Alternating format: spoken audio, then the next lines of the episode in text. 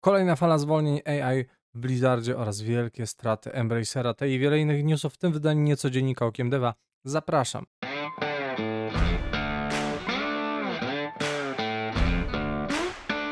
Witam serdecznie, nazywam się Grzegorz Wątroba, a to mój kanał Okiem Dewa w dzisiejszym niecodzienniku, czyli nieregularnym podsumowaniu najświeższych wiadomości ze świata gier. Mamy naprawdę dużo mocnych informacji, więc zaczynamy. Po pierwsze, MMO Gwiezdnych Wojen w przyszłym roku. Nowa gra z otwartym światem w uniwersum Star Wars od Ubisoft, twórców The Division, konkretnie tam się nazywa Massive chyba, e, mogłaby według doniesień wyda zostać wydana już w 2024 roku, jak informuje Kotaku, powołując się na anonimowe źródła. Gra prawdopodobnie nazywa się Project Helix e, i to nieujawniona właśnie e, duża gra, której e, Ubisoft wspominał w, podczas swojego najnowszego raportu dla akcjonariuszy. Przewiduje się, że będzie ona zawierać jakiś rodzaj międzyplanetarnej podróży kosmicznej. No to by trochę w sumie pasowało do Star Warsów.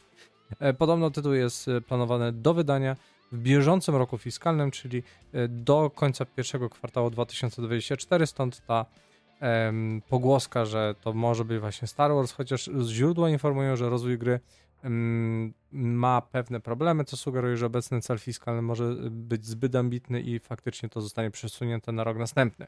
Mimo to według źródeł w Ubisoftie panuje wewnętrzny optymizm, że Project Helix ma potencjał, żeby troszeczkę odwrócić złą famę firmy i przestać opierać się tylko i wyłącznie na franczyzie Assassin's Creed. Project Helix um, był ogłoszony w 2021 um, i już wtedy właśnie Massive zaczynało nad nim pracować, obok właśnie Division, później Division 2, e, więc co jak co, ale ci ludzie wiedzą co robią, jeżeli chodzi o e, jeżeli chodzi o gry z dużym światem, jeżeli Plotki o dacie wydania gry okażą się prawdziwe. Możliwe, że Ubisoft pokaże grę podczas nadchodzącego wydarzenia Ubisoft Forward, które odbędzie się 12 czerwca. Także pewnie, jeżeli się dobrze znowu zgra termin, to oczekujcie streama z tego wydarzenia.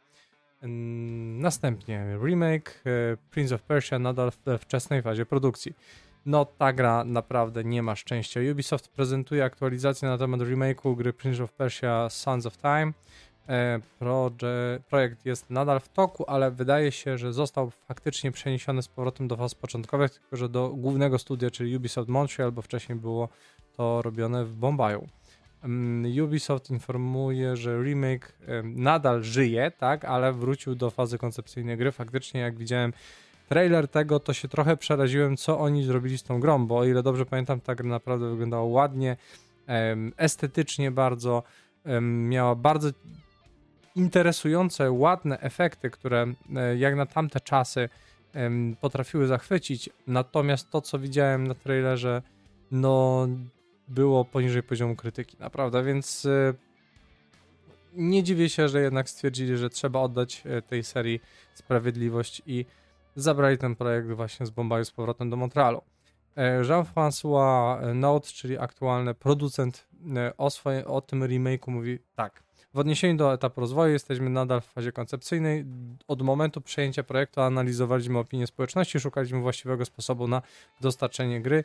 Teraz budujemy y, ponownie zespół, definiujemy priorytety, uwzględniamy opinię społeczności i gra jest wciąż we wczesnej fazie, ale możecie być pewni, że wkładamy w ten projekt wszystkie nasze siły i serce. Obok tego w e, FAQ na temat e, statusu, statusu remake'u e, Ubisoft potwierdza, że nie planuje remakeować innych gier z serii Prince of Persia, przynajmniej na razie. Firma potwierdza również, że nie ustalono jeszcze daty wydania, a wszystkie wcześniejsze zamówienia pre przedpremierowe zgodnie z informacją ze zeszłego roku zostały anulowane, a pieniądze zwrócone.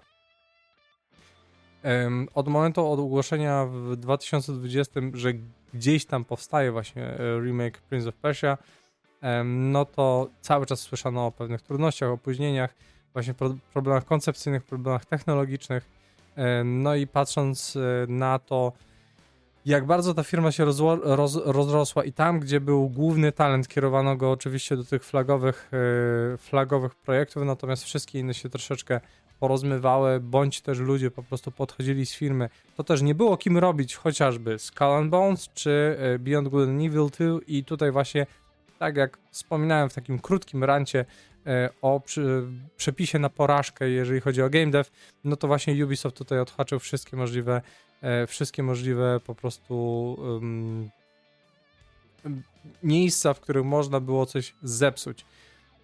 Mieli straszne afery, źle traktowali pracowników, źle im płacili, wypalili ich, zabijali ciekawe koncepty, przekierowywali drobne zespoły, które pracowały nad interesującymi, e, drobniejszymi projektami do pracy nad AAA-ami, które po prostu zarabiają duże pieniądze, ale nie mają w sobie krzty kreatywności.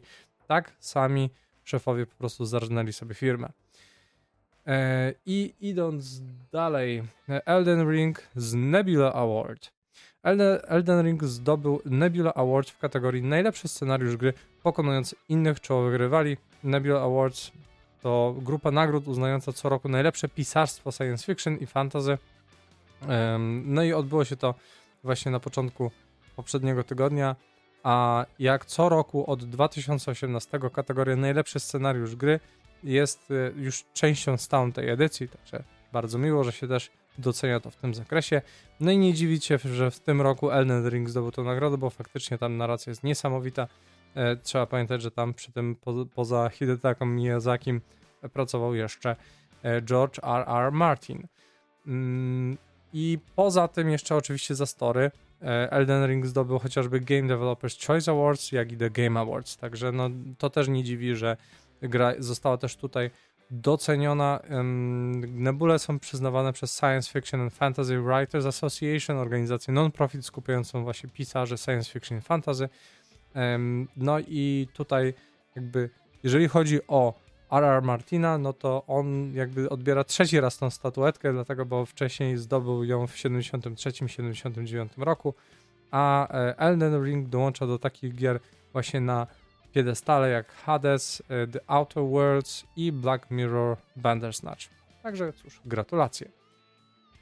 Kolejno gracze versus Microsoft jeszcze raz. Pamiętacie ten taki mały pozew, prywatny pozew graczy? No to teraz mamy troszeczkę rozwiązanie tego, które nie jest akurat tak bardzo przegnamiające, jakby można było e, na początku myśleć. Sędzia federalny odmówił co prawda przyznania żądanego tymczasowego zakazu, który zatrzymałby dalsze starania Microsoftu o zakup Activision Blizzard, jednak jak wynika z orzeczenia powodowe, wiarygodnie twierdzą, że mogą ucierpieć na skutek antykonkurencyjnych skutków transakcji. Tak zwany pozew graczy przeciwko umowie między Microsoftem a Activision został początkowo złożony przez grupę 10 graczy Call of Duty na PlayStation w grudniu, twierdząc, że umowa mogłaby prowadzić do wzrostu cen lub spadku jakości ich dostępności franczyzy na ich e, konsoli, mimo że sprawa została odrzucona w marcu. Powodowie złożyli poprawioną skargę w zeszłym miesiącu, dokładnie określając szkody, jakie mogą podnieść, ponieść w wyniku fuzji. I w odniesieniu do tych poprawionych roszczeń, sędzia stanu okręgowego Jacqueline Scott Carley e, stwierdziła w wyjątkowym orzeczeniu, że choć jest za wcześnie, aby w pełni ocenić e, tutaj efekty tego przejęcia, Powodowie wiarygodnie zaświadczyli o swojej lojalności wobec, wobec franczyzy Call of Duty i tym samym, że każdy z nich kupi inną konsolę, usługę subskrypcji lub zapłaci zawyżoną cenę, jeżeli będzie to konieczne, aby kontynuować grę w Call of Duty, zwłaszcza jeżeli e, będzie to konieczne, by grać ze swoimi przyjaciółmi i to zwrot akcji w porównaniu do e, początkowego oświadczenia e, w marcu, kiedy kolej napisała, że powodowie nie mają wiarygodnych zarzutów, że fuzja tworzy rozsądne prawdopodobieństwo antykonkurencyjnych skutków na jakimkolwiek istotnym rynku nawet jeżeli te wiarygodne roszczenia zostaną ostatecznie udowodnione. Podczas procesu Coley stwierdziła, że powodowie nie przedstawili żadnych dowodów na natychmiastowe i nieodwracalne szkody, które byłyby konieczne do uzasadnienia tymczasowego zakazu w tym momencie. Wręcz przeciwnie, Coley pisze, że nie ma dowodów na to, że Microsoft może zrobić cokolwiek, aby e, Call of Duty, które obecnie należą do powodu, przestały działać, a tym bardziej, e, żeby to zrobił. Jeżeli zaś Microsoft kiedykolwiek ogłosi, że blokuje przyszłe wersje Call of Duty na PlayStation, czego wielokrotnie zapewniał, że nie zrobi, Coley uważa, że wówczas można by wprowadzić tymczasowy zakaz. Jak na razie jednak ewentualne szkody, które fuzja mogłaby spowodować właścicielom PlayStation, nie będą miały miejsca. No to to jest fakt. Kwestia wpływu fuzji musi poczekać również na rozstrzygnięcie bieżącej administracyjnej akcji Federalnej Komisji Handlu, która dąży do zablokowania transakcji, nie mówiąc już o brytyjskim CMA, który ma ten sam cel. Jeżeli e, i kiedy umowa przetrwa te przeszkody, kolej pisze, sąd będzie mógł przeprowadzić proces o zasady i ostatecznie rozstrzygnąć sprawę, zanim powodowie poniosą jakiekolwiek nieodwracalne szkody. Bardzo interesujące, że sąd naprawdę traktuje poważnie tą sprawę. Znaczy, to się chwali, ale zobaczcie, że po prostu 10 graczy powiedziało, że jest prawdopodobieństwo, że nie będą mogli grać Call of Duty na PlayStation, to jest podstawa do pozwu, także no ale okej, okay, jeżeli chcą bronić swoich praw, mają, mają, do tego, mają do tego jak najbardziej możliwość, e, a ponadto, no jeżeli faktycznie wierzą, że może to zagrozić jej ulubionej franczyzie i tym samym mm, marce PlayStation, no to jest ich wybór, żeby tego bronić. No i widać, jakby podali e, wiarygodne dowody. I tutaj mówiąc do Reutersa, adwokat e, Joseph Aliotto powiedział, że dowody są bardzo mocne na rzecz ostatecznej decyzji antymonopolowej w tej sprawie. No i to jest interesujące, bo no cóż, kontynuując ten wątek. Chiny zatwierdzają zakup ABK. Microsoft potwierdził, że proponowany zakup Activision Blizzard został zatwierdzony w Chinach. W oświadczeniu dla GameIndustry.biz rzecznik Microsoftu powiedział, bezwarunkowe zezwolenie Chin na nasze przejęcie Activision Blizzard y, następuje e, po decyzjach zatwierdzających z jurysdykcji takich jak Unia Europejska i Japonia, co daje łącznie 37 krajów reprezentujących ponad 2 miliardy osób. Przejęcie w połączeniu z naszymi ostatnimi zobowiązaniami wobec Komisji Europejskiej umożliwi konsumentom na całym świecie granie więcej gier na więcej na większej liczbie urządzeń. Zatwierdzenie przez Chiny nastąpiłoby po takich e, samych decyzjach z Japonii, Ukrainy, Brazylii, Chile, Arabii Saudyjskiej, Serbii, RPA i przede wszystkim właśnie Unii Europejskiej, która ogłosiła swoją decyzję w zeszłym tygodniu.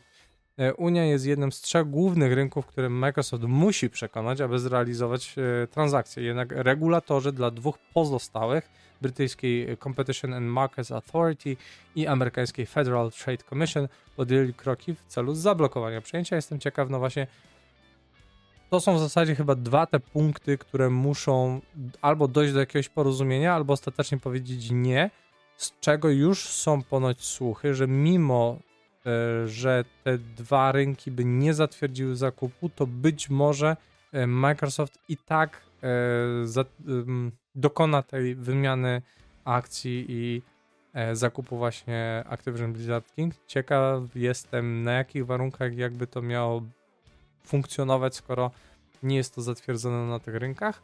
No ale zobaczymy. No ta epopeja tych ciągłych informacji co tydzień zapewne za niedługo się zakończy. E, o ile zostaną ostatecznie wyjaśnione te wszystkie sprawy e, i Microsoft e, odpowiednio odwoła się od decyzji tych dwóch instytucji, no i musi będzie musiał pewnie podjąć pewne ustępstwa, pójść na pewne ustępstwa, żeby właśnie ta fuzja miała miejsce. Kolejno Zelda była gotowa już rok temu. E, gra The Legend of Zelda Tears of the Kingdom została wydana 12 maja 2023 roku, zdobywając wiele pochwał zarówno dla od długoletnich fanów, jak i nowych graczy. Być może jej sukces wynika z ilości wysiłku i czasu, jaki twórcy włożyli w jej rozwój i w niedawnym wywiadzie dla Washington Post e, producent gry Eiji Aonuma wyznał, że Tears of the Kingdom była prawie gotowa na cały rok przed jej ostatecznym wydaniem. E, nowa odsłona Zeldy miała zostać uruchomiona w 2022, ale została opóźniona w marcu, aby upewnić się, że wszystko w grze jest w 100% zgodnie z naszymi standardami, powiedział Aonoma. E, studio chciało dopracować skomplikowane mechaniki fizyczne przed wydaniem gry. No faktycznie w tej grze dużo jest takich zabaw z fizyką, no i oczywiście da się ją zepsuć, ale trzeba się naprawdę bardzo postarać. To nie jest symulator poziomu The Goat Simulator, tylko naprawdę tutaj dużo rzeczy jest bardzo dobrze albo zrealizowanych, zaprojektowanych, albo zabezpieczonych. Ono ma Wspomniał również o braku entuzjazmu, kiedy drugi zwiastun został ujawniony w lutym. Ludzie nie do końca rozumieli elementy rozgrywki ani potencjalnej zabawy, powiedział Onuma, dlatego Nintendo postanowiło pokazać Onumę tłumaczącego koncepcję Tears of the Kingdom w demonstracji wideo, co przyniosło efekt i faktycznie trzeba przyznać, że ta prezentacja była naprawdę świetna. A ono ma, mm, ma nadzieję, że ta nowa gra zainspiruje ludzi do ponownego przemyślenia, jak radzą sobie z przeszkodami w prawdziwym świecie. Przypomina mu to o swoim synu i jego frustracji związanej z codziennymi problemami. E, jak to sam e, Aonoma mówił, zapytam go, jaki był twój cel, kiedy próbowałeś osiągnąć ten wynik. On odpowie, nie myślałem za dużo, kiedy to robiłem, po prostu to zrobiłem. Powiedział Aonoma. Byłbym naprawdę szczęśliwy, gdyby nasza gra zachęciła ludzi do kreatywnego myślenia, które mogliby przenieść do swojego prawdziwego życia. Szczytna idea, wciąż y, faktycznie w tej grze jest dużo takich interesujących mechanik. Chociaż przyznaję, że jest zmęczony i teraz potrzebuje chwili na odpoczynek, a ono ma nie zamierza odpuścić swojego stanowiska, więc możemy za jakiś czas spodziewać się kolejnej Zeldy. Oby na nową platformę, już naprawdę dość. Mam nadzieję też, że nowa platforma będzie miała wsteczną kompatybilność i odpalenie na niej Tears of the Kingdom będzie skutkowało stałym framerate'em i poprawioną jakością grafiki. A teraz y, kolejna fala zwolnień. W game devie jak walec przechodzi fala zwolnień związana z czynnikami makro i mikroekonomicznymi i generalnym spowolnieniem popytu zarówno w zakresie gier, jak i całego IT. W tym tygodniu redukcje dotknęły firmy. Deck 9, czyli twórcy Life is Strange Before the Storm i kolejnych części oraz nadchodzącego Expanse i tam pożegnano się z 30 osobami. Następnie Brace Yourselves Game, twórcy Crypt of the Necrodancer, zwolniło połowę swoich pracowników, czyli nieco ponad 20 osób. No to to też jest dość duży cios i kolejno e, Sega e, pożegnała 121 pracowników studio Relic odpowiadających za serię Company of Heroes, e, Dawn of War czy Age of Wonders. No Age of Wonders co prawda sprzedaje się świetnie, no ale Company of Heroes niestety nie dostarczyło trzeciej edycji i w każdym właśnie z tych studiów poza standardowymi branżowymi problemami dotknął jeszcze właśnie jeden, że ich ostatnie gry po prostu słabo się sprzedały, a rynek niestety bywa miejscami bezlitosny. Kolejno e, Blizzard korzysta z AI bo brakuje im złej famy w każdym innym aspekcie developmentu. Według najnowszych doniesień Blizzard stworzył własny system AI zdolny do generowania obrazów na podstawie tekstu. Głównym celem tego e, rozwoju jest przyspieszenie e, procesu produkcji i tworzenie koncepcji artystycznych dla ich własności intelektualnych, czyli przynajmniej korzystają tylko i wyłącznie ze swoich źródeł, no to przynajmniej mają rzeczy prawne ogarnięte. Jak zauważył The New York Times, pracownicy z Blizzarda otrzymali rzekomo e-mail od Alena Adhama, e, Chief Design Officera w firmie. W swojej wiadomości Adam przedstawił Blizzard Diffusion, autorską platformę sztucznej inteligencji, e, trenowaną właśnie na tytułach Blizzarda, w zasadzie no, na pracy ludzi, którzy tworzyli tytuły Blizzard. Mówi się, że to narzędzie jest używane do pomocy w e, tworzeniu konceptów oraz środowisk w grach, a także postaci ich strojów. Adam wspomniał także o potencjalnym użyciu AI między innymi do tworzenia zachowań w grze, proceduralnego projektowania poziomów, także klonowania głosu, kodowania i poszukiwania toksycznych zachowań w trakcie rozgrywki. Sam Adam pisał też w wiadomości, że stoją na progu ewolucji w tym, jak budujemy i zarządzamy naszymi grami. New York Times e, informuje również, że pracownicy Blizzarda otrzymali e, oddzielny e-mail od Chief Technical Officer firmy Michaela Vansa, który ostrzegł pracowników studia przed korzystaniem z własności intelektualnej firmy za pomocą zewnętrznych generatorów obrazów. Te nowe narzędzia wiążą się z nowymi i nieznajomymi ryzykami i będziemy postępować ostrożnie, aby uniknąć pułapek, zauważył Vance. E, jeżeli to prawda, Activision Blizzard dołączyłby do szeregu innych studiów AAA, które wprowadziłyby AI do swoich e, procesów pracy. Innym godnym uwagi przykładem jest Ubisoft, który niedawno ujawnił, że jego twórcy i deweloperzy na wszystkich poziomach aktywnie eksplorują technologię AI. Ponadto Ubisoft przyciągnął uwagę wcześniej, kiedy wprowadził Ghostwritera, czyli narzędzie AI e, zaprojektowane do pomocy swoim pisarzom w tworzeniu dialogów dla, NPC-ów w grach. I na to wszystko Strzał Zelnik, czyli nasz y, szef, nadczłowiek game devu, powiedział tak. Ostatnio właśnie wyraził swój entuzjazm dla rosnącej roli technologii AI, chociaż podkreślił, że nie uważa, że postępy w AI uproszczą two proces tworzenia udanych hitów. No i tutaj już zaczynamy słyszeć jakiś sens.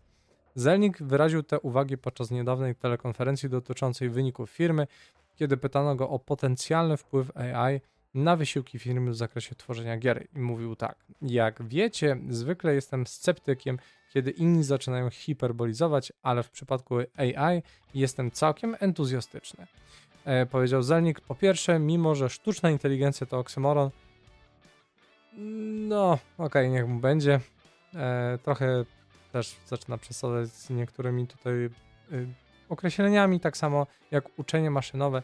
Ta firma była zaangażowana w te działania, niezależnie od słów, jakimi je opisujemy. Przez całą swoją historię jesteśmy liderem w tej dziedzinie. Oczywiście, że są. E, dodał również, że niedawne postępy w AI są ekscytujące dla Take-Two, chociaż nie są dla nich zaskakujące, ponieważ uważają, że AI pozwoli im lepiej i bardziej efektywnie wykonywać swoją pracę. No oczywiście. Mówimy o narzędziach, które są po prostu lepsze i bardziej efektywne.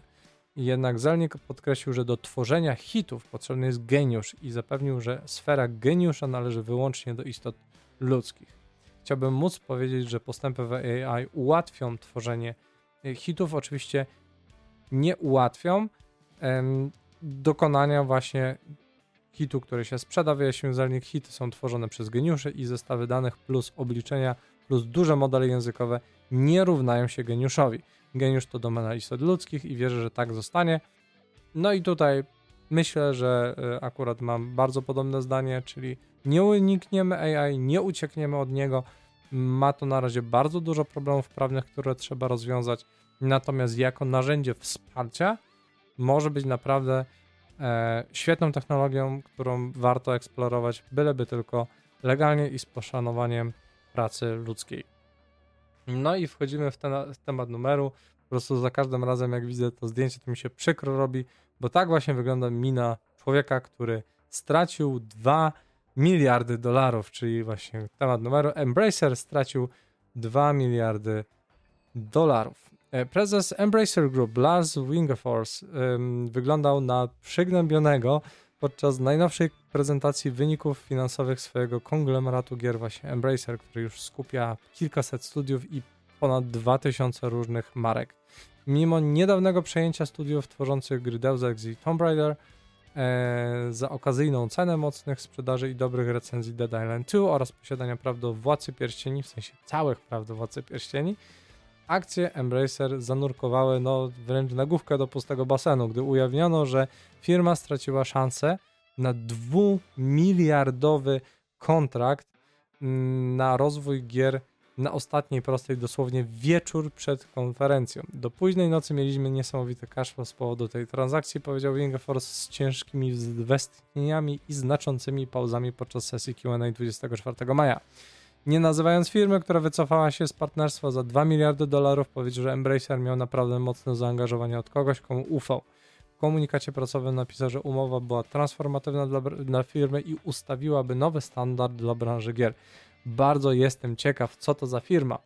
I e, Embracer od lat przejmuje wszystkie małe wydawnictwa i studia, które może tylko e, znaleźć w swoim zasięgu. I w 2020 było to Saber Interactive, która odpowiadał za World War Z, w 2021 Gearbox, e, czyli twórców Borderlands, a w 2022 Crystal Dynamics, czyli Tomb Raider i Eidos Montreal, czyli Deus Ex i Thief. Efekty bywały różne, zeszłoroczny reboot Saints Row miał swoje momenty, ale stan gry w dniu premiery pozostało wiele do życzenia, czym trochę zepsuł, zepsuł swoją sprzedaż. No ale Dead Island 2, które przez lata przebywało w piekle produkcji, przechodząc z jednego studia do drugiego, wyszło w zeszłym miesiącu i było naprawdę przyzwoicie, zwłaszcza, że bardzo szybko osiągnęli pułap e, miliona sprzedanych sztuk. E, więc no tutaj jest się czym pochwalić. I najważniejszym pytaniem teraz jest, z kim Embracer planował nawiązać to partnerstwo i w jakim celu. I czemu go zghostowałem? No, no to jest dziwne. Wingforce powiedział, że firma pracowała nad umową od zeszłej jesieni z zaangażowaniem setek specjalistów z obu stron. Miała silne przekonanie, że wszystko uda się mimo pewnych wyzwań logistycznych. Hmm. Lista firm, które mogłyby sobie pozwolić na zobowiązanie na poziomie 2 miliardów dolarów jest dość mała. Także bardzo znów jestem ciekaw, kto to będzie. I tak, możemy sobie pomyśleć, kto. Sony na przykład, z uwagi na swoje zamiłowanie do ekskluzywnych tytułów na PS5 jest jedną z możliwości. Drugą oczywiście jest Microsoft, który pilnie potrzebuje nowych hitów na Game Passa, więc to by się też zgadzało. E, jest też mm, kolejnym właśnie tutaj typem.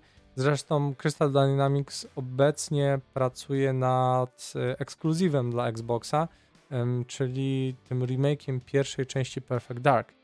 Duże chińskie konglomeraty, takie jak NetEase i Tencent, też mogłyby tutaj pasować do tej narracji, a może nawet amerykański gigant technologiczny, tak jak Amazon, z którym i tak mają już masę umów, chociażby właśnie o MMO z Władcy Pierścieni, czy też mają e, współprodukować razem Tomb Raidera, no to tutaj wydawałoby się to też naturalnym typem, czy też mogłoby być to inne przedsiębiorstwo typu Netflix które obie próbują dodać treści gier do swoich właśnie usług streamingowych i rozrywkowych. Embracer zakupił prawa do Władcy Pierścieni za 770 milionów dolarów w sierpniu zeszłego roku, tuż przed rozpoczęciem rozmów w, o umowie. Niezależnie od tego, kto zignorował Embracera, szwedzka spółka holdingowa znalazła się w trudnej sytuacji, bo jej cena akcji spadła o prawie 45% w ciągu jednego dnia po ogłoszeniu tych wiadomości. Firma zmaga się także z wieloma zewnętrznymi i wewnętrznymi opóźnieniami gier. Remake Knights of the Old Republic, który był pierwotnie tworzony przez Asper Media, studio w, z siedzibą w Austin, e, które Embracer kupił za 450 milionów dolarów e, w 2021 roku, był rzekomo w kłopotach od zeszłego roku. E, spodziewamy się też kolejnej strzelaniny Metro od 4A Games, chociaż studio ma siedzibę w Kijowie na Ukrainie gdzie aktualnie trwa drugi rok wojny z Rosją. E, to jest niestety właśnie wada gigantów, którzy muszą non-stop rosnąć. I każda kolejna umowa wyznacza standard następny i musimy po prostu coraz bardziej się rozrastać, napędzać po prostu te wszystkie słupki sprzedażowe. Nie wystarczy już tylko dobry produkt, tylko trzeba mieć po prostu wszystkie cyferki z roku na rok, z tak naprawdę kwartału na kwartał coraz wyższe. I tutaj umowa na 2 miliardy dolarów to co prawda nic w porównaniu z y, połączeniem Activision Blizzard i Microsoftu za prawie 69 nice milionów dolarów. Miliardów dolarów, przepraszam. Z tych jakie pieniądze. Ale wciąż są to niesamowite kwoty.